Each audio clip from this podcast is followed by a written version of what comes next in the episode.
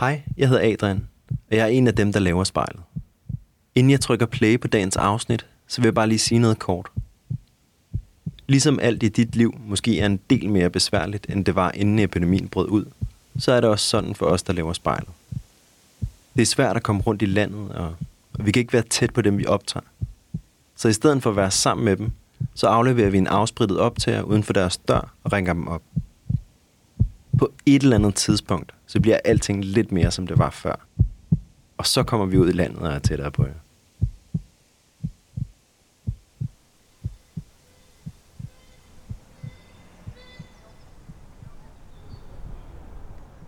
Herfra, hvor jeg sidder i min gård, der virker pandemien, som det er blevet opjusteret til, underlig fjern. Man kan følge med i nogle tal og nogle grafer. Og billederne fra Italien og Kina, de taler deres tydelige, helt forfærdelige sprog. Men min generation er også en generation, der er vokset op med den slags billeder til aftensmaden. Verden har brændt så længe vi overhovedet kan huske, men vi har levet sådan rimelig trygge tilværelser i det lille smørhul, som Danmark nu engang er.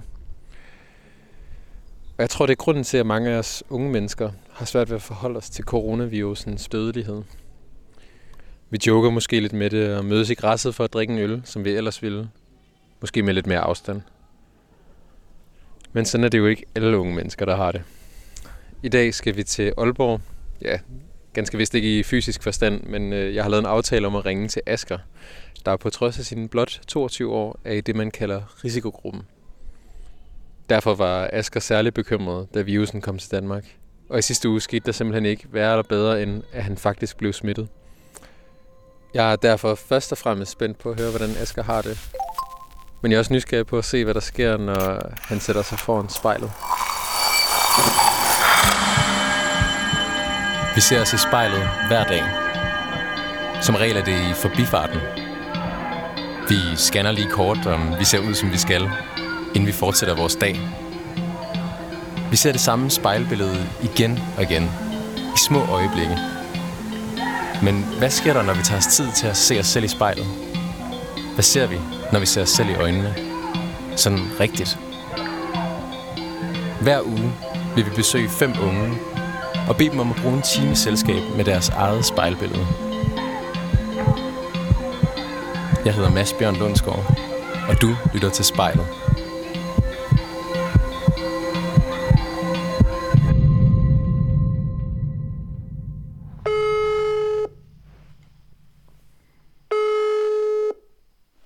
Hej, Asger. Hej. Hej, Mads.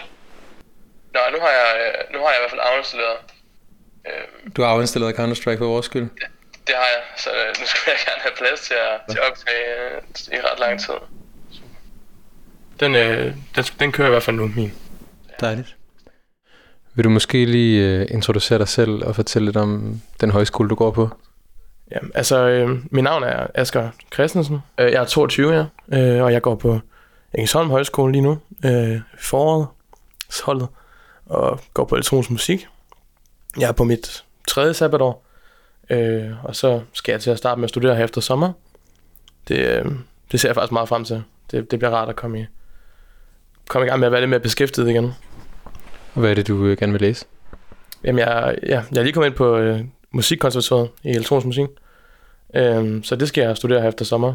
Det, øh, det glæder mig helt vildt til. Og ligesom også bare være et sted, tror jeg, hvor man kan blive så inspireret og møde så mange ligesindede mennesker. Og sådan. Det, det glæder mig helt vildt til. Øh, og det føler jeg også allerede, at jeg er, er i nu med min højskole. Men altså, det, det bliver også lækkert ligesom at få noget fast undervisning i det på den måde. Det ser jeg meget frem til. Hvad har du lavet før, du kom på højskole? Øh, I mit første sabbatår, der, øh, der jeg kommer fra Aalborg, øh, så der, da jeg blev færdig med gymnasiet, der øh, øh, havde jeg et band, det er egentlig, eller sådan en duo, det gik okay godt for, øh, synes jeg. Og øh, vi valgte at flytte til København, fordi jeg kom ind på sådan en, øh, en musikbranche kursus, øh, der hedder Royalties, der ligger der. Og det var, øh, det var mega grineren. Og så fik jeg mega meget ud af det, synes jeg, og sådan fik nogle nye forbindelser, og lærte nogle nye mennesker at kende og sådan noget, og kunne mærke, at jeg ligesom havde brug for ligesom at tage musikdelen lidt mere seriøst i mit liv. Skolegymnasiet har ikke altid, synes jeg, været det mest grineren. Altså, jeg havde helt klart nogle ting, jeg fandt mere interessant også i gymnasiet, øh, som jo så var musik. så, øh, så flyttede jeg til Berlin, og, øh, ja, boede der og arbejdede og øh, lavede en masse musik og blev en del af et band der også og sådan nogle ting. Øh, det var også mega sjovt. Øh, og så fik jeg spillet noget på nogle klubber og sådan nogle ting med mit eget musik. Øh, og blev også lidt glad for sådan noget hårdt, eller sådan techno og den slags, som jo er hovedstaden for det i Berlin. Øh, og det, det gjorde helt vildt meget for den musik, jeg sådan både lytter til og laver nu. Altså, at jeg boede der. Ja, så kom jeg tilbage her til sommer i 19, og øh, tog tilbage på mit arbejde, hvor jeg plejer at arbejde på et psykiatrisk hospital i Aalborg. Og ja, så startede jeg på højskole, som er der, hvor jeg er nu. Eller det er jo så ikke fordi corona, men normalt så er jeg der. Lige nu der, øh, der bor jeg bare hjemme hos min mor, øh, sammen med min lille søster. Så på sofaen. Det er fint. Kan du ikke lige prøve sådan at give mig en beskrivelse af, af det rum, du sidder i, og hvordan du selv ser ud? Lige nu sidder jeg inde på min øh, lille søsters værelse. Øh, jeg har fået lov til at låne det. Øh, det er ret hyggeligt, synes jeg. Hun er ret god til at indrette. Så der er masser af flotte billeder på væggene, og dejlige planter, og øh, ja, generelt rigtig lækkert rum. Øh, hun har gået øh, på efterskole i et halvt år, og i den tid, der boede jeg faktisk lige her, øh, imellem, da jeg flyttede hjem fra Berlin. Øh, så der boede jeg ind på det værelse her, så det er også sådan lidt, det er faktisk meget rart. Jeg, øh, jeg synes, det er et dejligt rum. øh, ja, i forhold til mig selv, øh, så har jeg taget en skjort på. Jeg kan godt lide at gå i ordentligt, eller sådan, og selvom at der lige er øh, den her krisesituation lige nu med corona og så videre, øh, så, øh, så kan jeg selvfølgelig godt lide sådan at føle, jeg har en form for hverdag, og øh, jeg, kan, jeg generelt kan jeg godt lide at gå i skjorter, øh, så jeg har lige taget en skjort på, og så har jeg faktisk også taget nogle smykker på lidt. I hvert fald en, en halskæde og nogle øreringe. Mm. Har du fået øh, spejlet foran dig? Det har jeg. Mm. Hvor er det et stort spejl, eller er det et lille spejl? Ja, det er semi. Uh, jeg, kan, jeg kan se min, min skjort uh, og op. Okay. Så må du godt lukke øjnene, Asger. Og så lige tage et par dybe vejrtrækninger. Ja.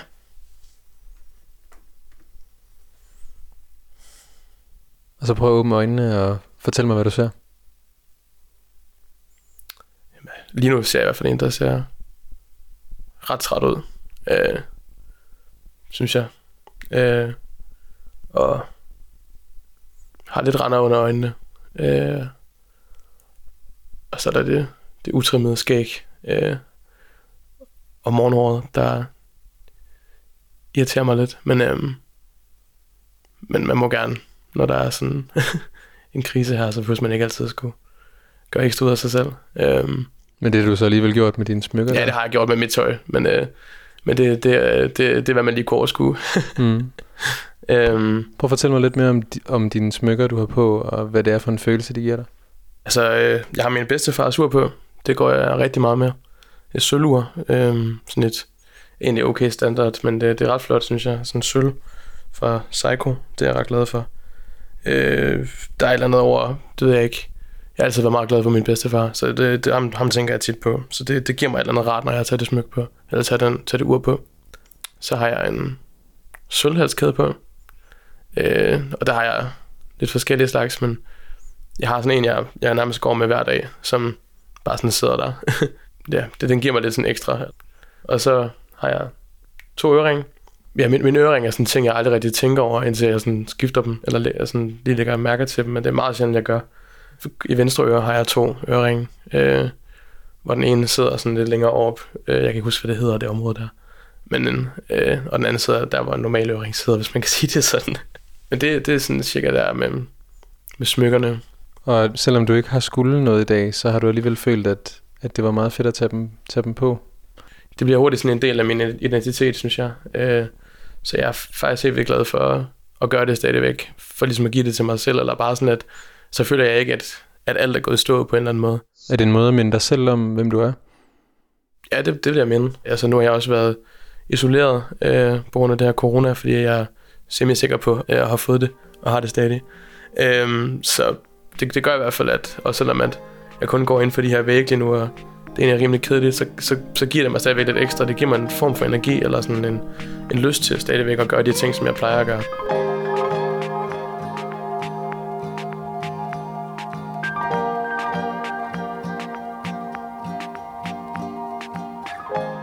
det er sang, jeg bruger, når jeg skal løftes op.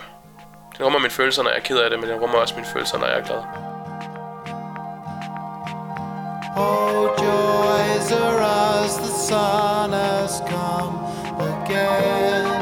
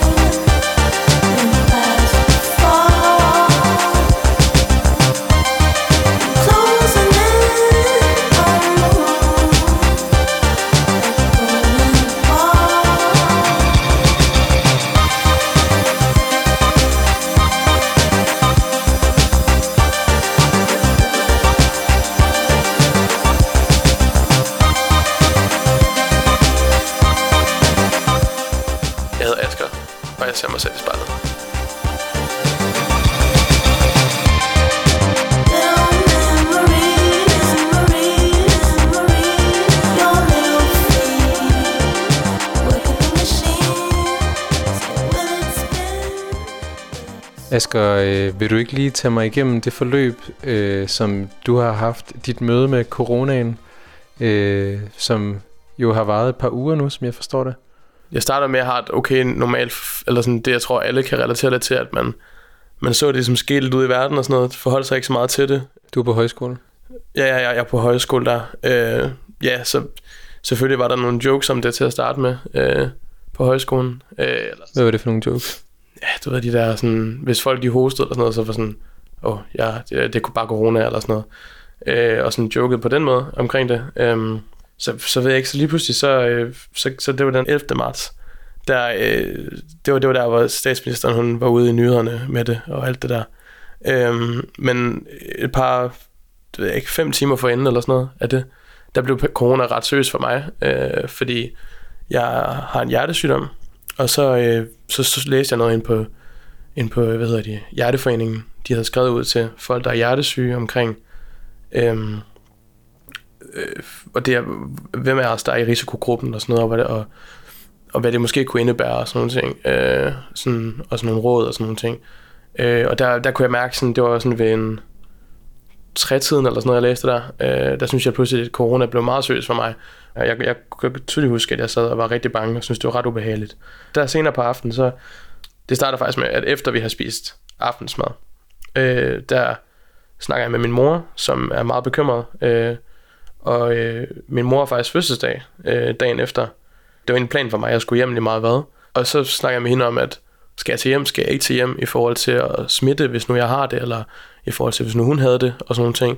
Det blev ret seriøst, øh, fordi at, at det var jo egentlig lige pludselig en ret ubehagelig situation, og da min mor, hun også faktisk også er kronisk syg. Øh, hun, er, hun har noget, øh, nogle forskellige andre sådan stofskifte, kaldestofskifte sygdomme. Men derfor er hun også med i den der risikogruppe, så det var en ret seriøst for os begge lige pludselig. Øh, så vi blev faktisk lidt enige om, at det var bedst, at jeg kom hjem, og så blev hjemme i 14 dage eller sådan noget faktisk. Øh, mens jeg snakker med min mor, så, øh, så nævner hun, at, at der er den der pressekonference noget, øh, fra Mette Frederiksen. Så hun tænder for fjernsynet, og så begynder hun at høre nogle af de her ting, og så, så det ved jeg ikke, det bliver sgu virkelig ubehageligt og seriøst. Og så øh, snakker jeg lidt med min mor om nogle af de ting, hun sagde og sådan nogle ting, men jeg vil gerne se det selv. Og, og det fører mig så ned til øh, dem, dem, som jeg ved var ved at indspille vokaler. Jeg går ned til dem, og så nævner for dem, at der er det her, om vi virkelig skulle se det.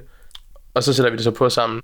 Og ja, der blev det bare virkelig seriøst, og der gik det op for os, at vi jo egentlig alle sammen formentlig bliver sendt hjem nu, og ikke ved, hvornår vi kommer tilbage. Og der var også en, som pludselig havde en mor, der var blevet konstateret med corona og sådan nogle ting, og det, det blev ret seriøst for os alle sammen ret hurtigt. Ja. Øhm, Og allerede her ved du, at du er særlig udsat i forhold til, hvis du skulle være så uheldig at få det.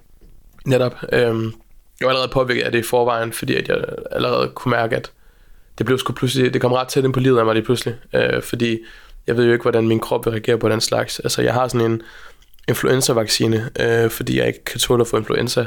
Så det er jo i forvejen et ret dårligt tegn. Og det, det, det vidste mine venner godt. Øh, de, de, dem, jeg snakker med derinde, vidste godt, at jeg har en hjertefejl og sådan nogle ting. Ja, skal du sige, at der, at der op til et corona her, altså der var sådan nogle, nogle jokes, der ligesom øh, flød lidt rundt og sådan noget. Hvordan, øh, hvordan reagerede du på det? Jamen, det, det er meget sjovt, du nævner det. Øhm, fordi at, øh, nu tager jeg lige lidt længere ind i historien. Efter at vi øh, har set den der video, så blev vi øh, kaldt op i øh, Ridersalen, hedder det. Og der snakker vores rektor så omkring alt det her med, at vi skal hjem, og hvad der skal ske og sådan noget ting. Men altså sådan, øh, netop i forhold til det der med jokes og sådan noget, der øh, kunne jeg mærke, at det var blevet lidt for meget for mig, så der nævnte jeg det bare for folk, at jeg var i en risikogruppe, og du rejste op. ja, nej, jeg rejste mig ikke op, men jeg rakte hånden op, og så, så kiggede på folk. Øh, og så nævnte at nu synes jeg, vi skal stoppe med at, og, og joke omkring det. Øh, Jeg kan ikke huske præcis, hvad jeg sagde noget med, om vi ikke kunne lade være med at lave joke med det, fordi at jeg er i risikogruppen, og det, det er pludselig blevet ret seriøst det her, øh, og der er også andre, der er påvirket. Og det var egentlig også sådan, jeg er ikke, jeg er ikke så god til sådan at, at træde i sådan en autoritær rolle, hvor jeg bliver sådan hård. Jeg kan godt lide at være øh, smilende og grineren, men, men, men det, det kunne jeg mærke, det, det jeg skulle brug for. Fordi at, at der var nemlig, vi skulle nemlig ned og feste, eller vi skulle ned og, ja, vi åbnede barn, vi, vi, det, det, gik, det gik ned, øhm, men I åbnede barn.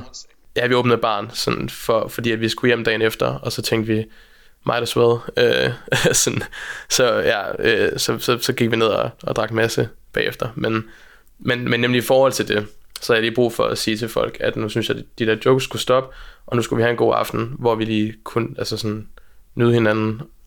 De fleste altså, tog det rigtig fint. Der var sådan, altså, der var helt vildt mange, der gik over til mig bagefter, og sådan, og gav mig en krammer, og også mange, der sådan lige spurgte om, om jeg var okay og sådan nogle ting, men altså også sådan helt vildt mange, der bare sagde til mig, at de synes det var mega dejligt, at jeg sagde det, fordi de havde også selv tænkt på det, og øh, nogle gange kan, kan det jo hjælpe med noget humor til ligesom at øh, sådan, gøre en ubehagelig situation mindre ubehagelig. Men det var bare lige sådan, det var lige for meget til sidst.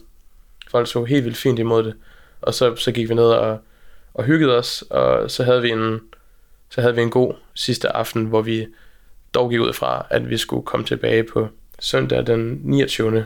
gik vi ud fra, at vi skulle tilbage på højskolen, hvor det så nu er blevet udskudt yderligere. Asger, så kunne man jo godt tro, at den, den hellige grav var velbevaret, fordi at øh, fik lukket højskolen ned, I fik drukket nogle bajer, og så tog hjem, men, øh, men så er det jo ikke værre eller bedre, end at du så faktisk får corona. Jamen, det er jo det. Altså, det, er, det kunne ikke være mere uheldigt. I feel it, I feel it in me. So tell me good lies. I know you got it in you. Like we don't only on. Cause we grown ups now. No Harm øh, af Smerts. Jeg synes, de er helt vildt dygtige, og dem hører jeg meget. Og den handler om, at man virkelig gerne vil føle noget. Og det der med virkelig at crave og føle noget. Jeg tror, mange craver lidt den følelse lige nu. ved at sidde derhjemme og bare sådan sten.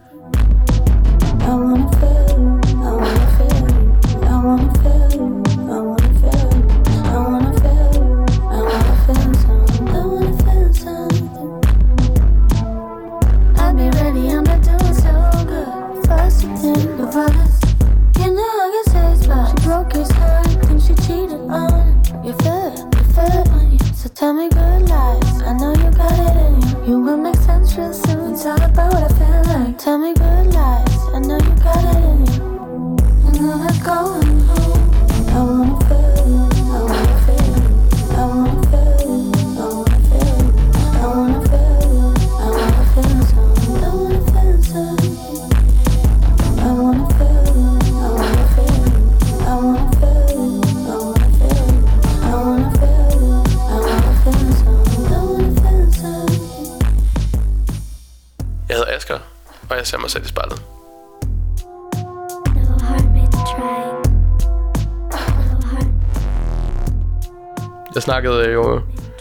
med folk om øh, på dagen der, at nu skal jeg virkelig ikke få det, og det, det pludselig bare ret seriøst for mig og sådan ting.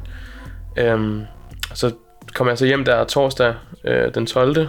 Og så øh, kan jeg mærke, at jeg, faktisk, jeg havde det der skide godt der. Altså sådan, så, øh, men jeg skulle fejre min mors fødselsdag, så det, det gjorde vi, og det var dejligt. Men, øh, men dagen efter vågnede jeg bare op og havde det rigtig dårligt øh, fredag. Og øh, min reaktion er tit, hvis jeg kan mærke, at jeg er ved at blive syg, eller der er noget, jeg ikke så godt kan holde til, så gør jeg tit nogle gange lidt det modsatte. Øhm, og det er ikke altid skide smart, heller ikke når man har en hjertefejl. Øhm, men så valgte jeg at løbe en tur og øh, lave en masse sådan crossfit derhjemme. men så, øh, Hvorfor tror du, du gjorde det? jamen jeg tror nemlig, jeg gjorde det i ren reaktion på, at jeg kunne mærke, at jeg var ved at få det dårligt. Og øh, det kunne jeg ikke overskue, fordi nu synes jeg allerede, at det var nederen nok i forvejen. Og så tror jeg simpelthen, det var en reaktion for ligesom at håbe på, at så kunne jeg få det godt bagefter, at jeg lige fik trænet eller sådan noget. Det var, det var bare det, min krop havde brug for, kunne man jo håbe. Men jeg kunne så mærke, efter jeg havde trænet, at det er som om, det virkelig havde triggeret et eller andet. Øh, og øh, så fik jeg rigtig høj feber. Og øh, så lå jeg hele aftenen med meget høj feber. Jeg husker i hvert fald tydeligt, hvordan jeg øh, virkelig øh, tænkte, det må ikke være corona, og sådan, det, det, det, det skal det ikke være, og sådan nogle ting. Og jeg kunne mærke, at jeg blev dårligere og dårligere øh, i løbet af aftenen. Så det blev, øh, det blev bare endnu mere seriøst. Samtidig med det, så tænker jeg også, at altså, jeg tænkte jo også på, at jeg har jo, jeg har jo den der influenza-vaccine, så chancen for en influenza er ret lav, og sådan, så det var virkelig ikke, hvad jeg havde lyst til. Det var jo virkelig ikke meningen med det her. Det var ikke meningen, jeg skulle komme hjem for at få corona. Nej. Det var meningen, jeg skulle komme hjem for at undgå det. Øhm, Men var der en del af dig, der var bange for, hvad der kunne komme ud af det? Og jeg var, jeg var i hvert fald rigtig, jeg var rigtig bange for, ja, nemlig hvad der vil, hvad, hvad der vil komme til at ske, hvor, hvor meget det vil udvikle sig. Øhm, Blev du bange for at dø?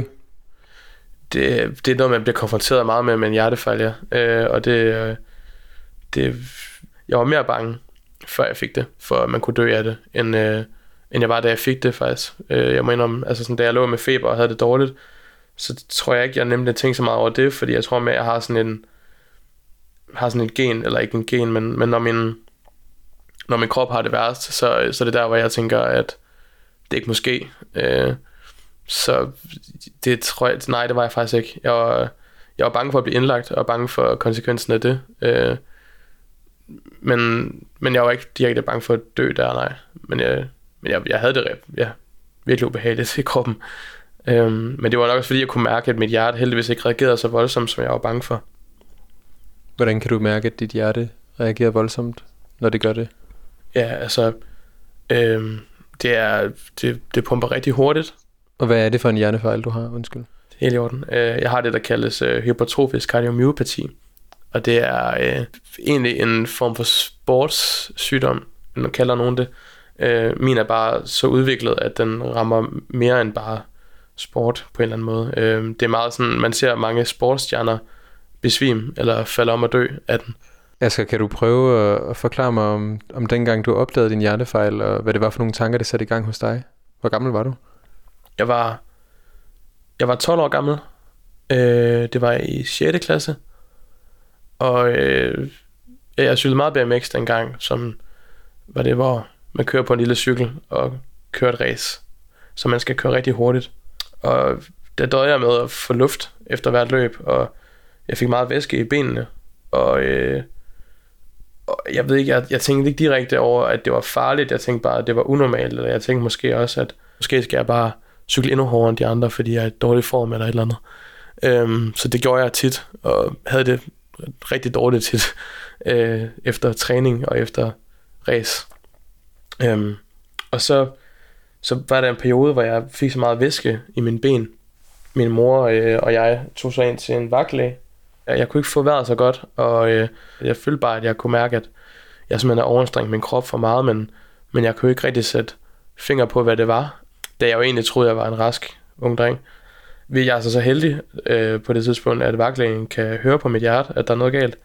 Øh, han kan høre, at der er sådan en pivlyd, og det er ikke normalt. Så efter det bliver jeg, er jeg blevet indlagt, og så går der omkring et halvt år nærmest, hvor jeg er indlagt ind og ud af det der hospital, hvor de ikke kan finde ud af, hvad det er, men de kunne godt se, at der var noget galt. Det, det var meget tit, hvor jeg ikke havde noget, og så mente de, og pludselig så havde jeg rigtig meget galt. Så det, det var en underlig periode, øh, hvor at jeg var virkelig bange for, at jeg var sindssygt syg. Altså jeg vidste jo slet ikke, hvad jeg fejlede. Øh, indtil at de scannede mit hjerte, og så kunne se, at mit hjerte var for stort. Øh, hvor, var, hvor det var så der, jeg ligesom øh, fik at vide, at, at jeg har den her hjertesygdom. Og det var en kæmpe omvending øh, for mit liv.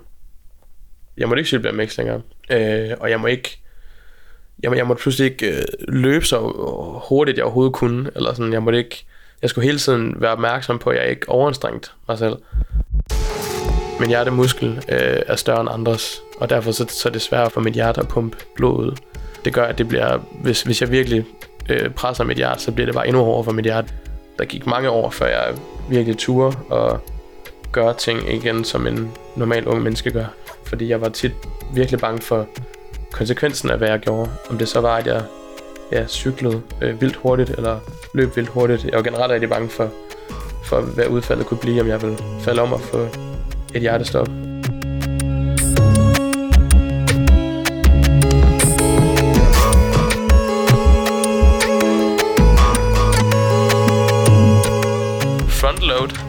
Arca.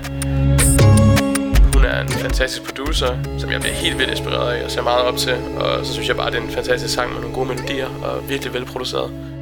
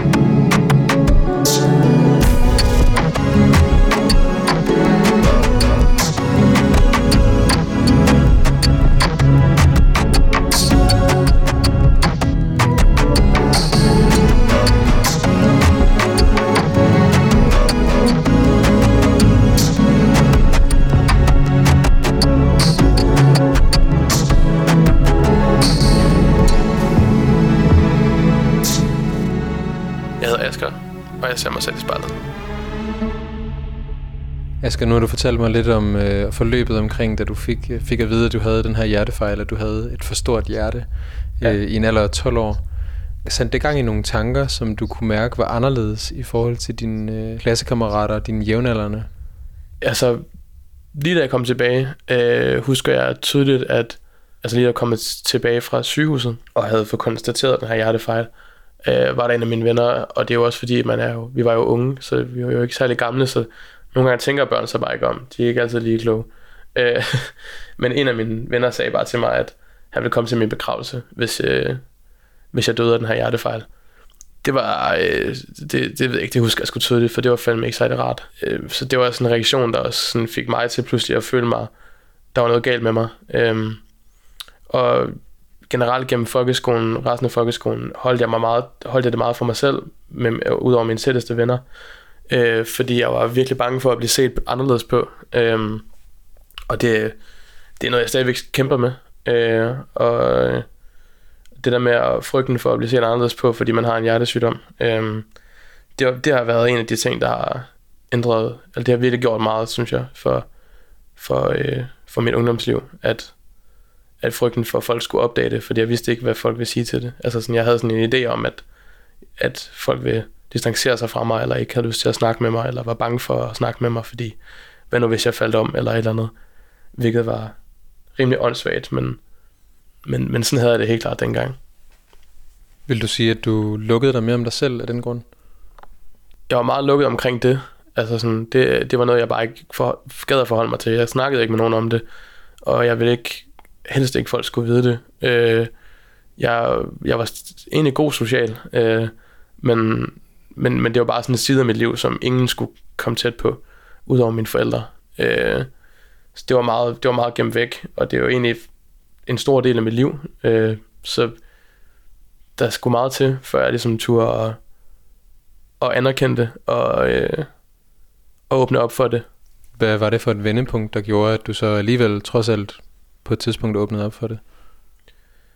Jamen, altså, i, øhm, da jeg var 19, fik jeg en øh, pacemaker, eller ICD hedder det, øhm, som basically gør, at hvis, hvis jeg får et hjerteanfald eller hjertestop, så øh, starter den mit hjerte igen. Og hvis min puls bliver for lav, så skubber den til min puls, så den kommer op igen. Øhm, så jeg har den der maskine øh, i min krop lige nu. Og øh, det gjorde sgu et eller andet helt vildt for mig dengang. Altså man, jeg blev konfronteret meget med døden, synes jeg. Altså, fordi at, at jeg fik sådan, det var bare nogle ret seriøse samtaler, jeg havde med min læger lige pludselig. Og jeg fik den jo netop, fordi at de var bange for, at jeg skulle få et hjertestop. Øhm, men det gjorde også et eller andet for min accept af den her hjertefejl, tror jeg. Det gjorde, at jeg begyndte at tage det mere seriøst. Eller jeg begyndte i hvert fald at... Øh, jeg kunne ikke undgå, at, at det er en del af mig nu. Altså, nu har jeg det her ar øh, på min brystkasse, hvor den sidder. Og det tror jeg gjorde meget. Øh, jeg tror ligesom, jeg begyndte at acceptere det lidt af den grund. Fordi nu, nu kunne jeg ikke gøre mere for at skjule det.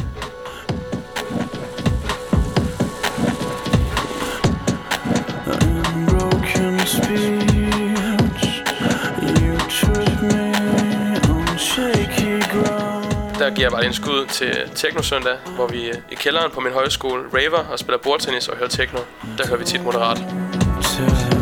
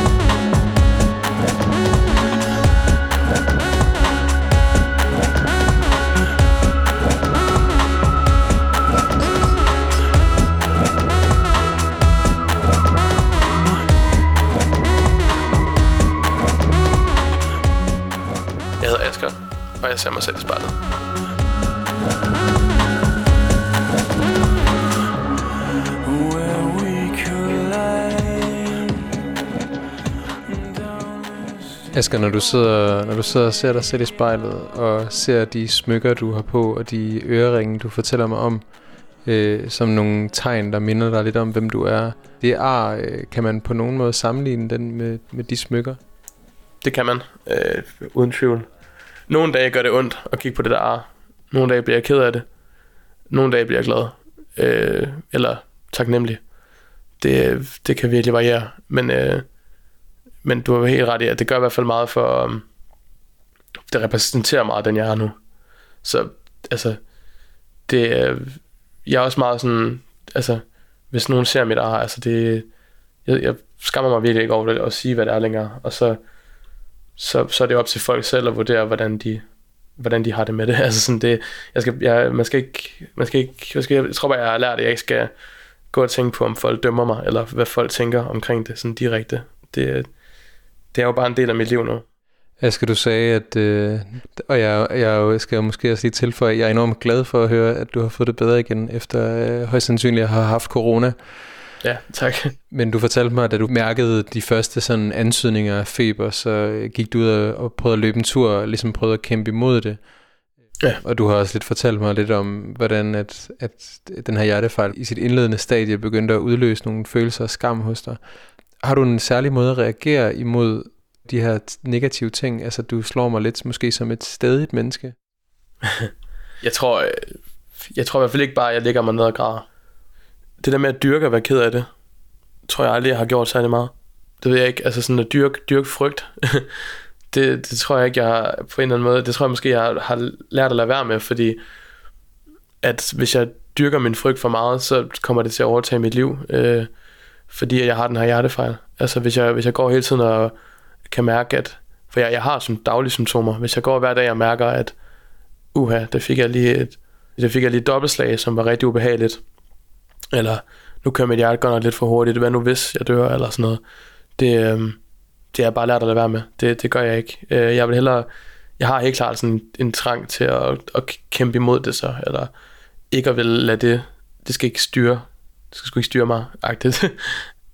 Netop af den grund tror jeg også nogle gange, jeg kan være lidt øh, kynisk, kan godt være et hårdt ord, men jeg kan godt blive lidt mere sådan, hvis folk har været forkølet en uge, og, og går og, og er meget ked af det over det, kan jeg godt nogle gange blive sådan lidt irriteret, fordi at, at jeg føler bare, at der er så mange værre ting.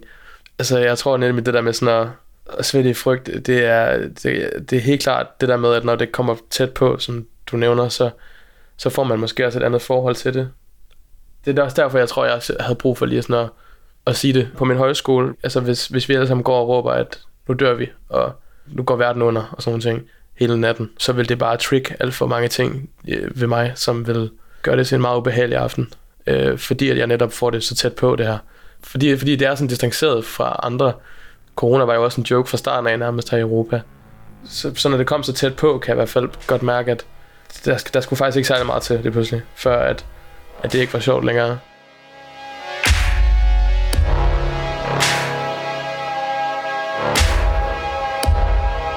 Det er hans lydunivers, der virkelig gør den sang øh, spændende.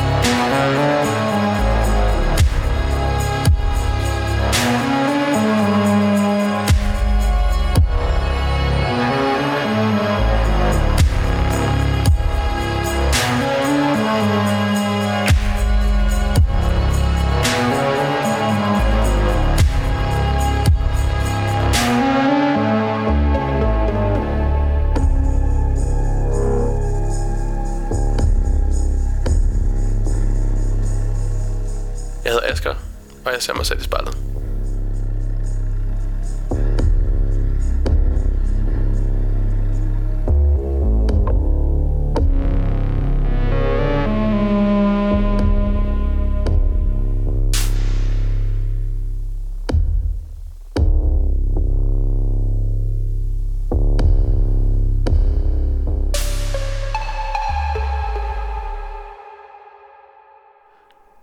Asger, du er 22 år, og øh, du har haft nogle sabbatår, og øh, er på højskole nu, og øh, er på vej på en uddannelse her efter sommerferien. Og, og det gør jo, at du ligesom er et sted i livet, hvor, øh, hvor der er mange ting, der skal prøves af, i hvert fald for mange mennesker.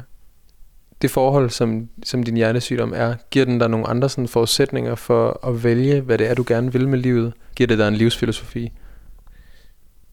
jeg, jeg tror, at de sidste par år, øh, føler jeg også, jeg har månet meget i den tanke om, at øh, jeg gør kun, hvad der er godt for mig nu.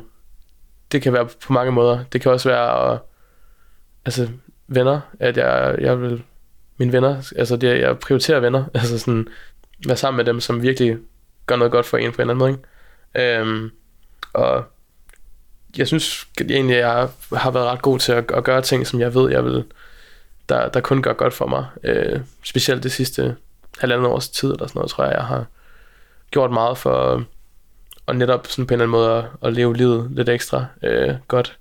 Og det, ja, jeg har virkelig også fået mange nye venner de sidste par år. Det har været helt vildt dejligt. Øhm, og det er også, jeg ved ikke, med til at... Jamen, jeg, jeg kan rigtig godt lide at, øh, at, at være social og sådan nogle ting, og det, det gør jeg meget i, specielt i forhold til at, at gøre, hvad der er godt for mig, tror jeg. Hmm. Og nu er du blevet sendt hjem fra højskole. Ja. Synes du, det er nemmere at forlige dig med at være blevet sendt hjem fra højskole, fordi at I er alle, alle højskoleelever i hele Danmark er blevet sendt hjem? jeg får i hvert fald ikke noget FOMO. Øh, øh, altså fear of missing out. Men øh, øh, men jeg synes, det er pisse nederen. Altså, jeg snakker okay meget med mine venner øh, fra højskolen, og det, det, det er virkelig irriterende, at vi alle sammen bare så gerne vil se hinanden, øh, men det kan vi ikke på grund af den her øh, pandemi, eller hvad det hedder. Der er den der mur, der gør, at vi ikke kan få lov til at, at gøre det, vi egentlig allerhelst vil, altså som virkelig er bare at se hinanden og, og have det godt dernede øh, på vores lille, i vores lille boble. Øh, til at starte med var det jo også ret sjovt, altså ikke sjovt, men, men, men man bliver ligesom opmærksom på, hvor meget man egentlig, altså sådan, øh, det tror jeg i hvert fald folk, der har gået på en højskole, kan ikke genkende til, at hvor meget man egentlig øh, er i den der boble, og hvor meget man egentlig bare dyrker det, man er i, og det synes jeg virkelig, at vi har gjort helt vildt meget der, hvor jeg har gået. Øhm, virkelig bare været i det, og det synes jeg har været helt vildt dejligt. Nu har jeg i hvert fald meget tid til at reflektere over det, jeg har oplevet de sidste to og en halv måned. Jamen, det du siger, at du har haft tid til at reflektere lidt over, hvad der er sket på højskolen den sidste to og en halv måned. Kan du sådan prøve at kode det ind til, altså hvad, hvad er der sådan grundlæggende sket? Grundlæggende så, det største boost er vel bare, at jeg har fået nogle, nogle helt vildt søde venner, synes jeg. Øh, nogle, nogle dejlige mennesker omkring mig, øh, som, altså sådan et fællesskab, hvor alle vil det godt for hinanden. Altså alle vil have, at hinanden har det godt, agtigt. Det er virkelig rart at mærke. Øh, det er lidt noget andet, end hvor jeg har arbejdet på et psykiatrisk sygehus, øh, hvilket også er et ret spændende job. Øh, der, det er ikke altid de positive job, øh, hvor at man er omgivet af positivitet lige pludselig på en højskole. Det, det, det, det kunne jeg mærke, at jeg trængte til. Det var helt vildt dejligt. Det kan, jeg, det kan jeg mærke, at det, det glæder mig også helt vildt til at komme tilbage til. Altså, at, at være i den trygge zone, man nu er i på en højskole.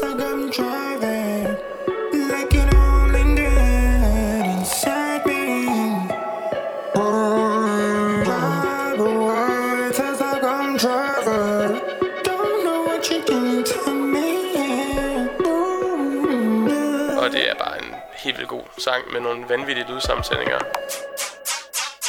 Going like you say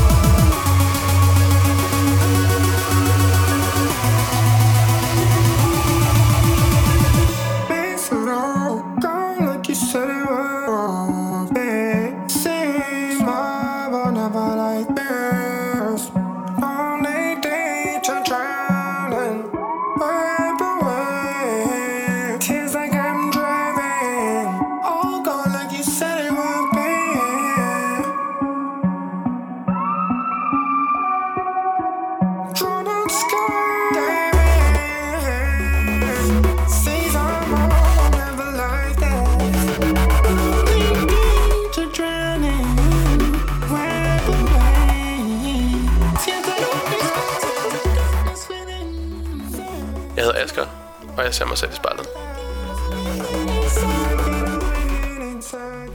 Asger, når du sidder der og ser dig selv i spejlet, og, og ser dig selv sidde og tale, og med dine smykker og med din skjorte, som du er glad for, og med morgenhår, Og med morgenhår, ja. er det så en ung mand, du føler, du kan stå indenfor?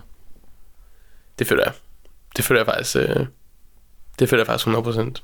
Det, øh, jeg tror, øh, det der med at, at finde sig selv og sådan noget, det kan, det kan hurtigt blive sådan noget, jeg ved ikke, det kan hurtigt blive en sjov snak, synes jeg. Eller sådan. Mm. Men, men, men jeg føler, at den er, føler, at jeg har okay meget styr på mine værdier, og hvem jeg er, og, øh, og hvad jeg vil.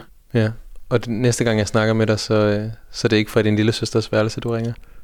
Nej, det er det formentlig ikke. Men der er der noget, altså, men det, det har, du har ikke haft, øh, der har ikke været sådan betænkeligheder eller sådan følelser af nederlag. Altså, jeg har, øhm, jeg har egentlig aldrig rigtig haft en nederlagsfølelse af det, fordi mig og min familie er utroligt tætte, øh, og har det vildt godt sammen. Så det har altid egentlig bare været sådan en, det er faktisk set meget frem til, at komme hjem og, og, og se, ses lidt med dem igen, få noget tid med dem. Det, Det det, det har altid været en rar følelse. Ja, mm. Jamen, det, det, det sætter jeg også meget pris på. Okay, jamen dejligt. Asger, vil du ikke lige her til sidst prøve lige at øh, først at beskrive, hvad du har lavet i dag, og hvad du skal lave i aften? Jeg lavede en sang i går, jeg synes var ret god. Den har jeg hørt rigtig meget. Og, øh, min far kom forbi med varer til os. Øh, blandt andet kom han forbi med kaffe, og jeg går meget op i kaffe. Så nu kan jeg endelig få lov til at lave en god kop kaffe, fordi min mor hun har kun instant kaffe herhjemme, så det har virkelig været irriterende.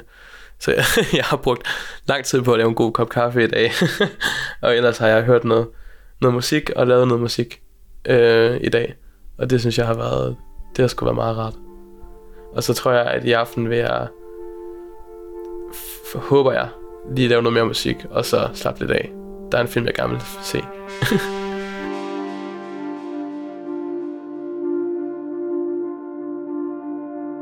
Men så er der min egen sang, The Noise Inside Me, som er sådan en meget mørk og tung sang.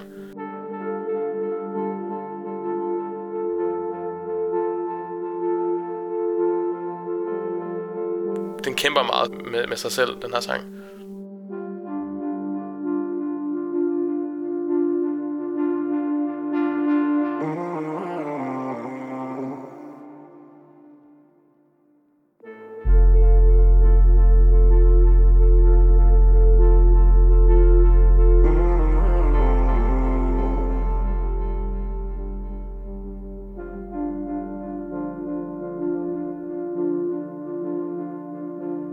Mm-hmm.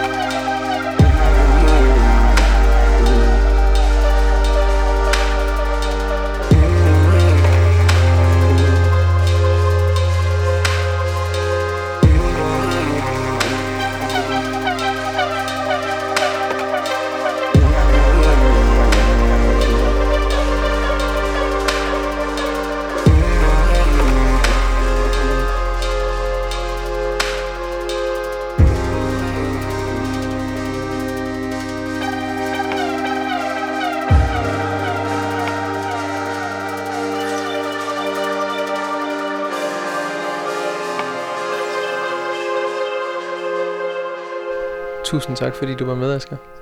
Tak skal du have. Hvordan synes du, det har været at kigge dig selv i spejlet?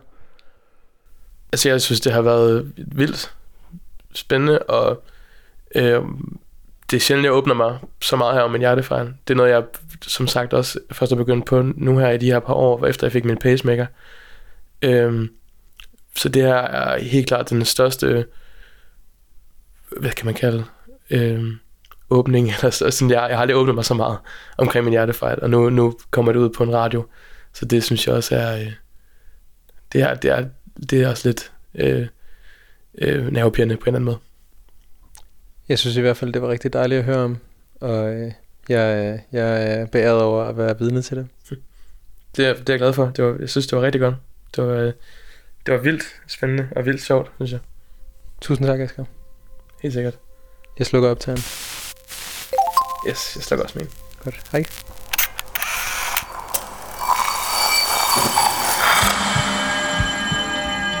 Du har lyttet til spejlet. Produceret af Kontrafej. Klippet og tilrettelagt af mig. Jeg hedder Mads Bjørn Lundsgaard, og vores redaktør er Kim Pilvester.